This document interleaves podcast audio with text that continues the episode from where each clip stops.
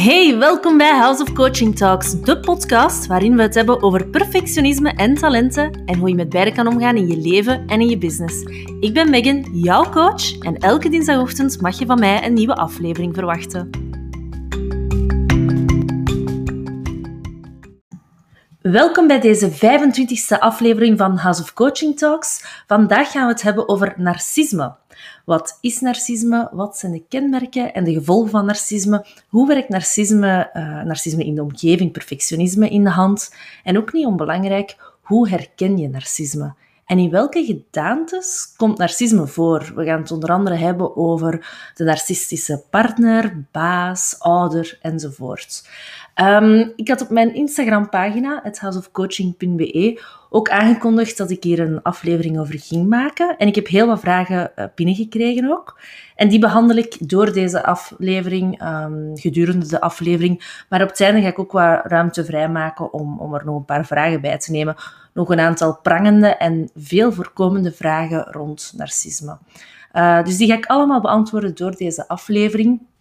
En naar deze aflevering heb ik zelf ook heel erg uitgekeken.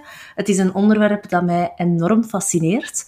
Maar voordat we beginnen wil ik eerst en vooral twee mensen bedanken wel die deze aflevering mee mogelijk gemaakt hebben. En dat is mijn collega Bernadette Verhagen en mijn zus psychologe Elke van Hoek.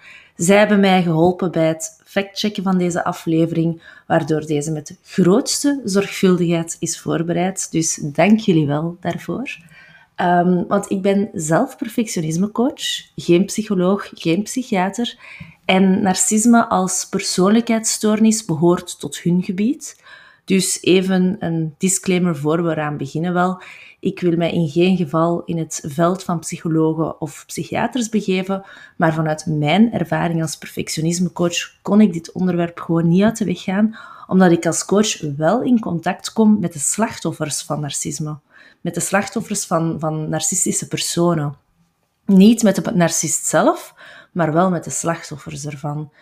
En het is een gevoelig onderwerp, een delicaat onderwerp zelfs. Maar ik zie het meer dan dat ik zou willen, of, of meer dan dat ik voor de persoon in kwestie zou willen, um, in mijn praktijk voorbij komen. En ik kon er niet omheen om hierover geen podcast te maken. Dus um, daarom doe ik het ook. Ik wil dit onderwerp bespreekbaar maken. Ik wil het herkenbaar maken. Want als jij vandaag samenleeft of, of samengewerkt hebt met, of, of nog altijd samenwerkt met iemand um, met narcisme, of je partner is narcistisch, of, of je, je, je, je vader of je moeder is, is narcistisch, dat kan serieuze gevolgen voor jou hebben. En daarom wil ik deze aflevering maken. Want heel veel slachtoffers hebben niet door wat dat er juist aan de hand is. Ehm, dus, dus als handleiding voor narcisme eigenlijk wil ik deze aflevering maken, maar ook om te weten wat dat je zelf kunt doen als slachtoffer. Want het is niet de narcist zelf die in therapie zal gaan of in coaching zal gaan. Nee, het zijn de slachtoffers die in therapie of in coaching gaan.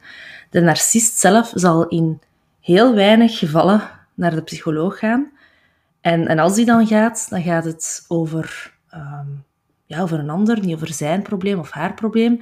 Hij zal het hebben over hetgeen waar hij het lastig mee heeft bij de ander. Maar zelden tot nooit zal de narcist zelf tot zelfreflectie komen. Dus eigenlijk heeft het weinig zin dat hij naar therapie gaat, omdat het niet over zichzelf kan gaan.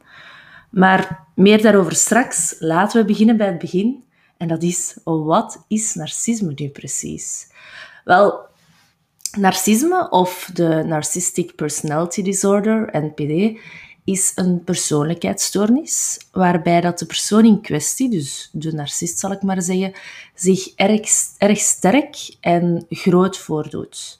Maar diep van binnen een persoon is met heel veel barsten, die nogal gebroken is van binnen. Iemand met veel issues die heel vaak voortkomen uit de kindertijd. De narcist blaast zichzelf als het ware op om, ja, die, die zet zichzelf centraal om zichzelf te voeden met de aandacht van anderen. Hij of, of zij heeft dan nodig om zichzelf de moeite waard te vinden. En hij, of ik ga hij zeggen, dat is iets gemakkelijker dan altijd hij of zij te zeggen, maar weet dat, er, dat het zowel over mannen als over vrouwen gaat. Maar ik ga voor het gemak van deze aflevering gewoon hij zeggen. Dus weet dat hij ehm, het idee heeft dat hij bepaalde, of een recht heeft op bepaalde privileges. Dat hij dat gewoon verdient. Hij lijkt zich te verheven uh, of verheven te voelen boven anderen.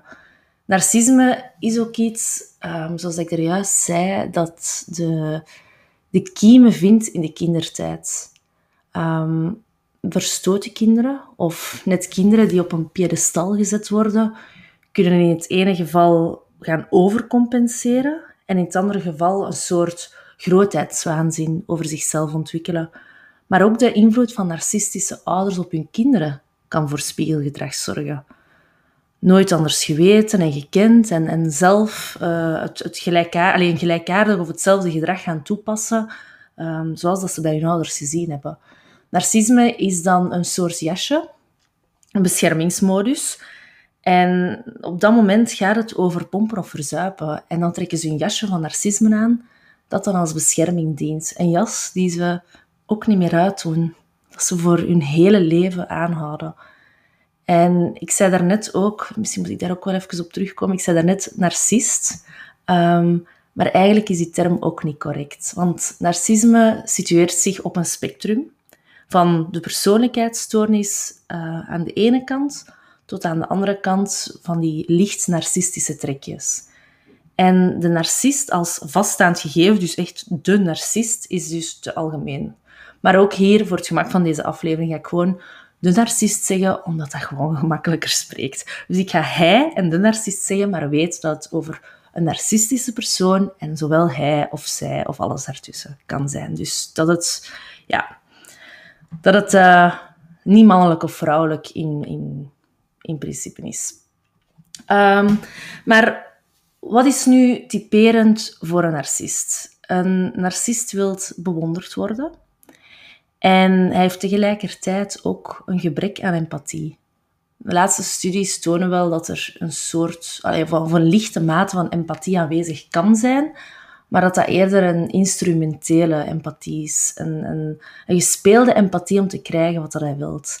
En afhankelijk van de hoeveelheid empathie aanwezig, zal de narcist zich ook eerder links of rechts op de schaal bevinden. Eerder richting de persoonlijkheidsstoornis of richting de narcistische trekken. Dus hoe minder empathie, hoe dichter tegen de persoonlijkheidsstoornis.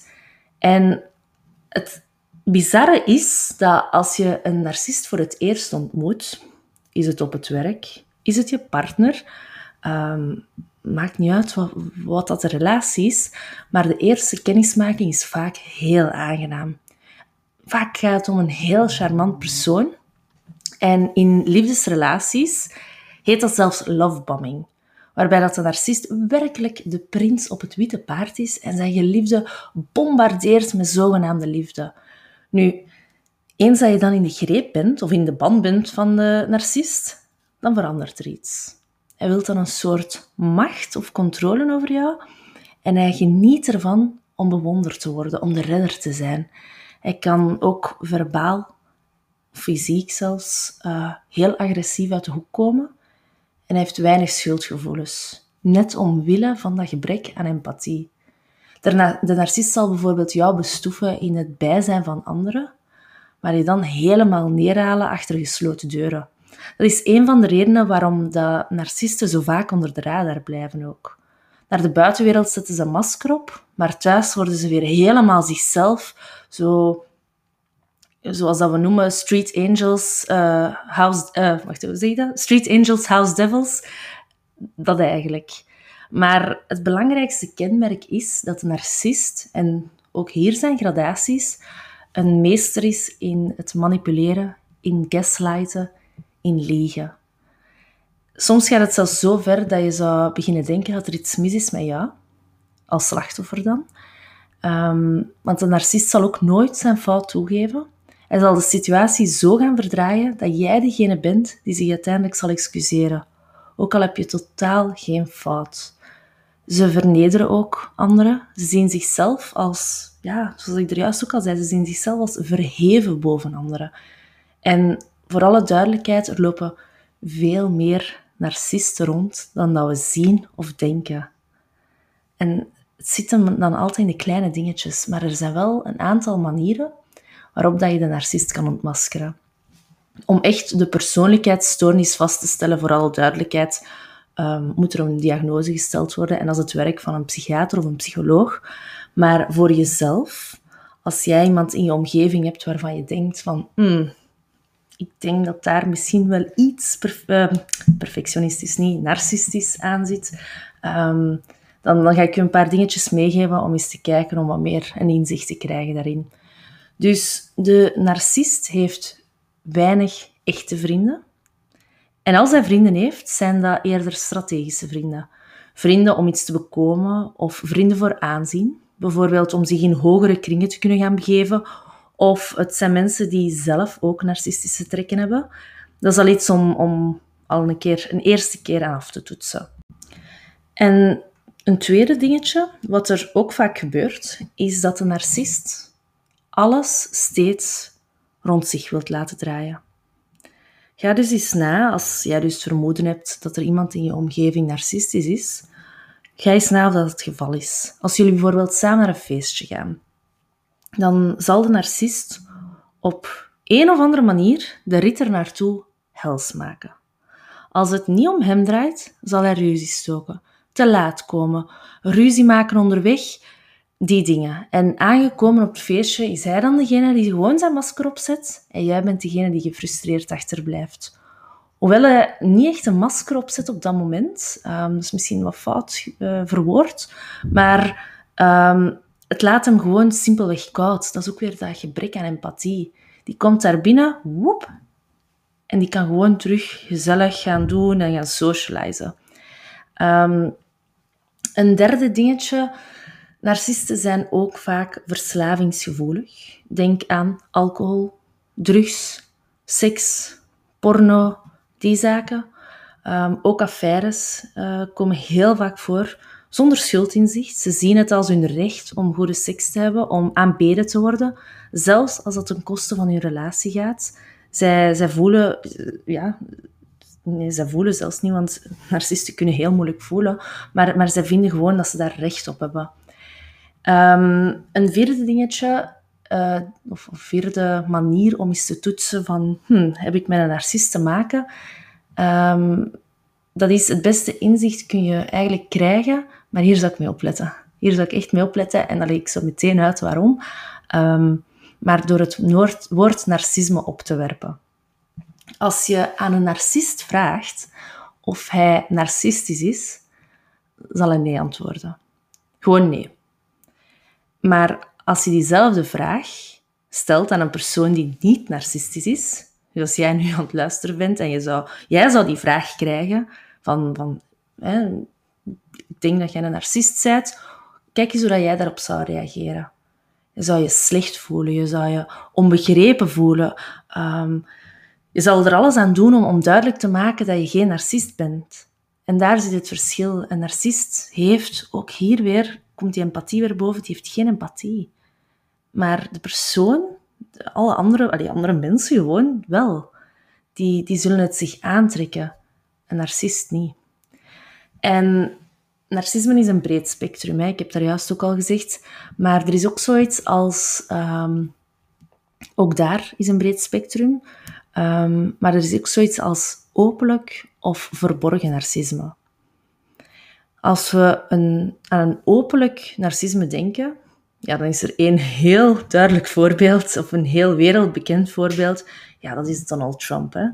Um, ik moet hem zelfs niet introduceren. Het luide, schreeuwerige, zichzelf ophemelen, zichzelf letterlijk de belangrijkste man van de wereld noemen. Dat is openlijk narcisme. Dat valt gewoon op. En dan heb je de verborgen narcist. En dat is degene die ik ervoor eigenlijk vooral beschreven heb. De Street Angel House Devil. Maar zelfs nog een beetje of een stapje meer verborgen. Het kan zelfs zo verborgen zijn dat je het als partner, zoon, dochter, collega, um, ja, dat je het gewoon niet ziet. Dat die manipulatie zo subtiel is, maar dat die er toch is. Want een goed voorbeeld van... Uh, van oeps, ik heb kaart in mijn micro gestomd. Ik hoop dat dat niet te luid was. Um, een, een, goed voorbeeld van die subtiele manipulatie um, is onder de vorm van gaslighting. Nu, wat is gaslighting? Gaslighting is een term die komt uit de film Gaslight. Van, uh, dat is een oude film uit de jaren 40. En die film is gebaseerd op een toneelstuk van nog een paar jaar vroeger, van de jaren 30. Maar uh, het is pas toen dat die film uitkwam dat het echt bekend werd.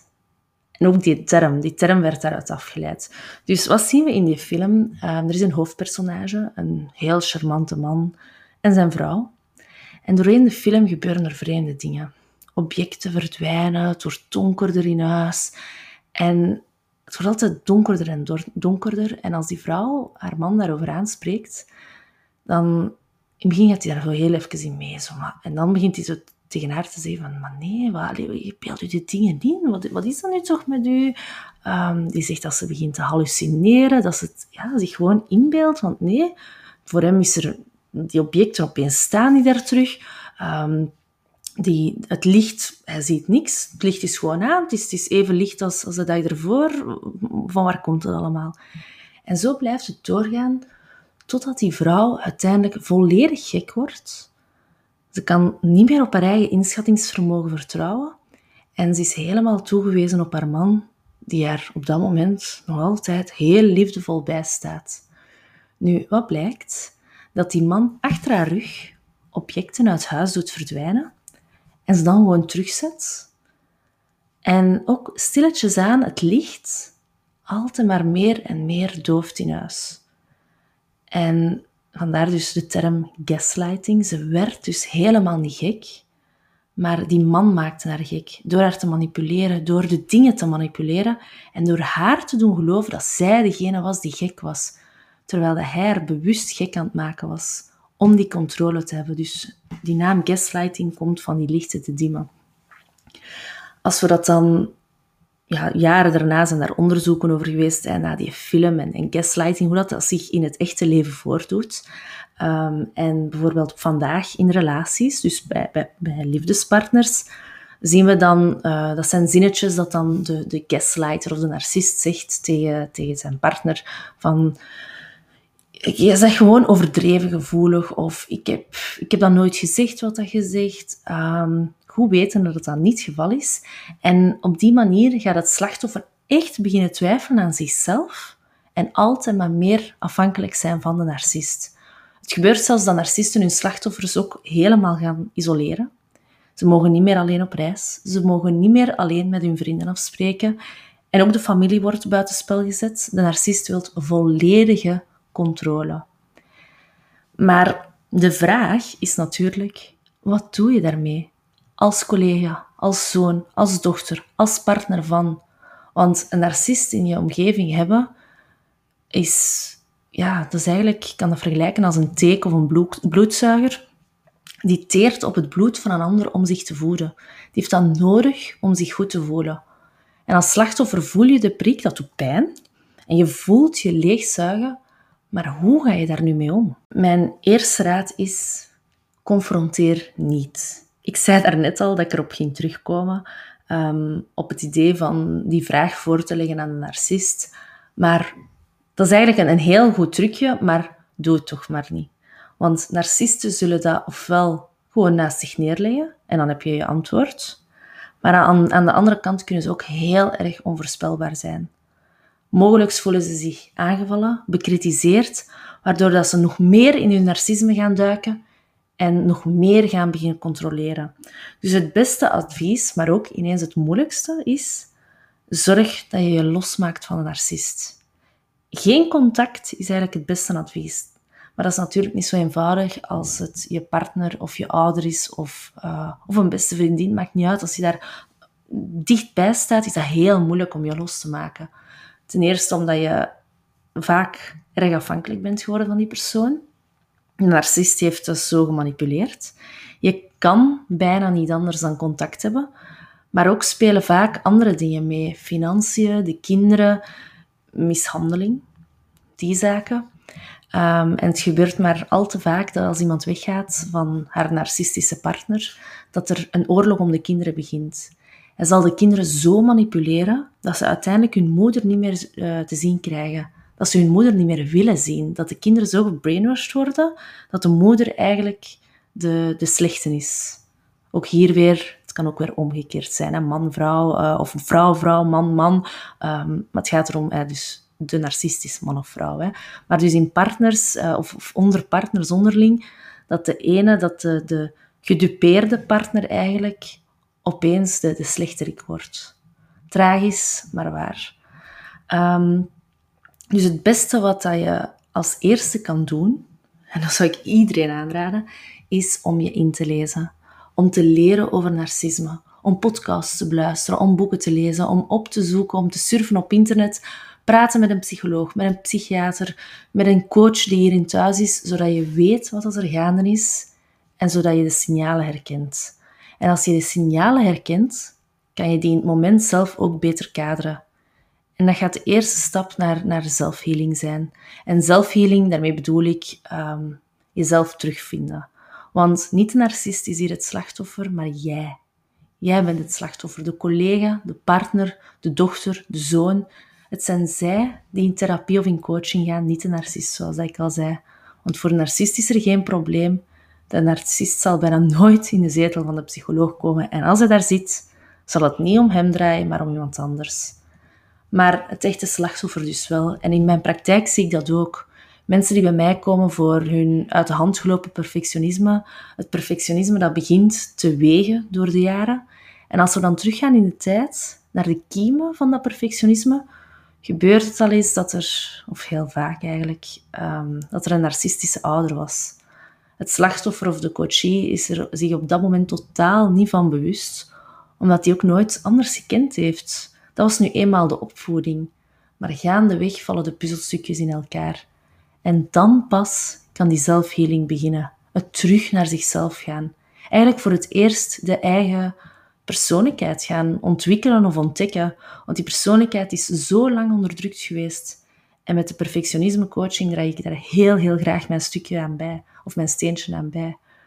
Um, want het is absoluut belangrijk om het onderscheid te leren maken tussen wie dat jij bent als persoon en wie dat jij geworden bent onder het narcistische gedrag. Ook als jij nog steeds in contact staat met een narcist, is het belangrijk om hiermee te leren omgaan. En zoals ik er juist ook al zei, het advies dat heel snel en heel vaak voorbij komt, uh, is breken met een narcist. Maar ja, dat is gewoon niet zo eenvoudig. Dus wat, wat kan je dan vandaag wel al doen? Ja, heel veel, te veel om op te noemen hier. Maar een eerste kleine tip is het niet meer tot jou laten komen. De uitspraken van de narcist kunnen kaderen. Bewust zijn van wat hij zegt, dit zien en het je niet meer laten raken. Niet meer aan jezelf gaan twijfelen. En dat is moeilijk, hè? Maar zien of beseffen dat dat zijn stukje is.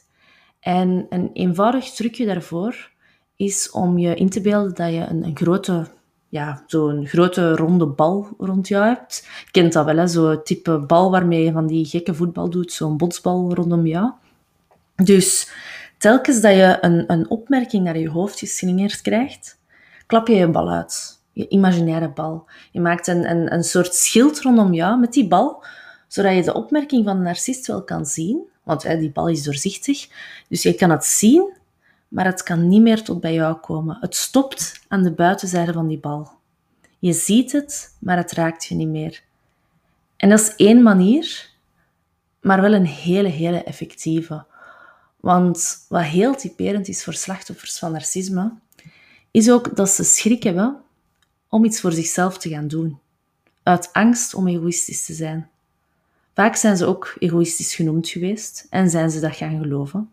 Terwijl zij heel vaak het tegenovergestelde van egoïstisch zijn en dat dat een projectie is van de narcist. En dat is een echte mindfuck voor het slachtoffer, hè? zeker als ze dat beseffen opeens. Daarom is het ook belangrijk om die balans te blijven zien en voelen tussen altruïsme en egoïsme. Dus iets, het, het, de balans tussen iets goed doen voor een ander en iets goed doen voor jezelf. Want met jezelf moet je nog een heel leven verder. Dus het is absoluut geen schande, in tegendeel zelf, om voor jezelf te kiezen. Om mooi die balans te houden. Want beweging tussen beide, tussen altruïsme en egoïsme, is goed. Beweging is psychisch goed. Want als je gaat stagneren, dan pas loop je vast op iets. En zoals slachtoffers van, van narcisme, ze blijven hangen in dat altruïsme. Die balans is weg omdat ze zo bang zijn om egoïstisch te zijn. En dan lopen ze vast. Nu, ehm, op Instagram, ik had daar juist ook al gezegd, had ik uh, naar aanleiding van deze aflevering ook het onderwerp narcisme aangesneden. En het is een onderwerp dat blijkt te leven, want ik kreeg heel wat reacties en vragen binnen waar ik graag nu ook de ruimte voor maak. De meeste vragen heb ik al beantwoord, maar er zijn er nog twee die ik wel nog graag wil beantwoorden, die ik nog niet beantwoord heb. En de eerste vraag die ik gekregen had um, is: waar komt narcisme vandaan? Is het nature of nurture? Met andere woorden, zit het in de genen of is het iets aangeleerd? Um, en ik had het in het begin van deze, van deze aflevering er al over dat heel vaak dat het een aangeleerd gedrag is. Dus spiegelend van een narcistische ouder of een beschermingsmechanisme voor een verstoten kind of een aangeleerd gedrag van een kind dat op een piedestal gezet wordt. Um, maar er zijn ook studies, maar er is jammer genoeg nog geen sluitend bewijs voor, dat narcisme ook genetisch bepaald wordt. Maar ja, daar zijn studies van, er zijn ook veel studies die het tegenspreken, dus voorlopig blijft het een vraagteken. Al neigen de meeste onderzoek wel naar nurture, dus aangeleerd gedrag, omwille van dingen die in de kindertijd ja, gebeurd zijn. Um, een tweede vraag die ik nog wil behandelen is de vraag: kunnen narcisten beseffen dat ze narcistisch zijn? En dat vond ik een hele, hele interessante. Um, en het antwoord daarop is heel simpel nee, dat kunnen ze niet. Een narcist heeft geen tot zeer weinig empathie. Dat heb ik daar juist ook al gezegd. Maar daardoor uh, kunnen ze ook de gevolgen van hun daden niet inzien.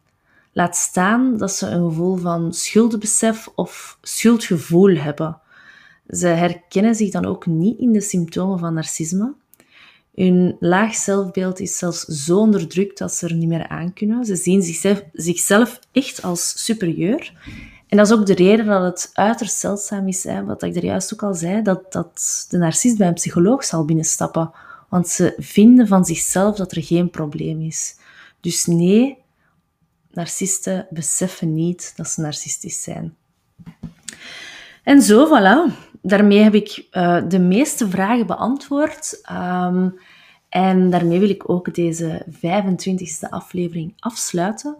Um, ik ben wel zeker dat er nog heel wat vragen zullen komen uh, na deze aflevering. Of misschien zijn er vragen die toch nog niet uh, beantwoord zijn. Dan mag je mij al je vragen doormailen naar info.houseofcoaching.be. En, uh, of, via, of Instagram kan ook, houseofcoaching.be. En dan beantwoord ik elke vraag individueel heel graag. Ik zal ze zelfs ook nog delen in mijn stories als, als dat nodig is. Um, we zien wel. Maar dus, heb jij het gevoel dat er heel wat bewogen is na deze aflevering, heb je nood aan een babbel, dat je, dan mag je mij altijd vrijblijvend contacteren. Um, dat kan door een gratis kennismakingsgesprek in te boeken via www.houseofcoaching.be. Dat is een gesprekje van 20 minuten, volledig online, uh, helemaal gratis. Eventjes aftoetsen, afchecken. Dat kan vaak al een, een goede stap in de, of een eerste stap in de goede richting zijn. En ik begrijp dat als jij een narcist in je leven hebt, of had, dat er heel wat kan bewegen. Dus alsjeblieft, blijf er niet bij mij zitten. Dan kijken we gewoon samen wat de volgende stap is. En uiteraard in alle discretie. Um, Voilà, dan wil ik jou heel graag bedanken om tot het einde van deze aflevering te luisteren. Ik hoop dat het jou heel wat inzichten heeft gebracht. Dus bedankt dat je erbij was en heel, heel graag tot de volgende.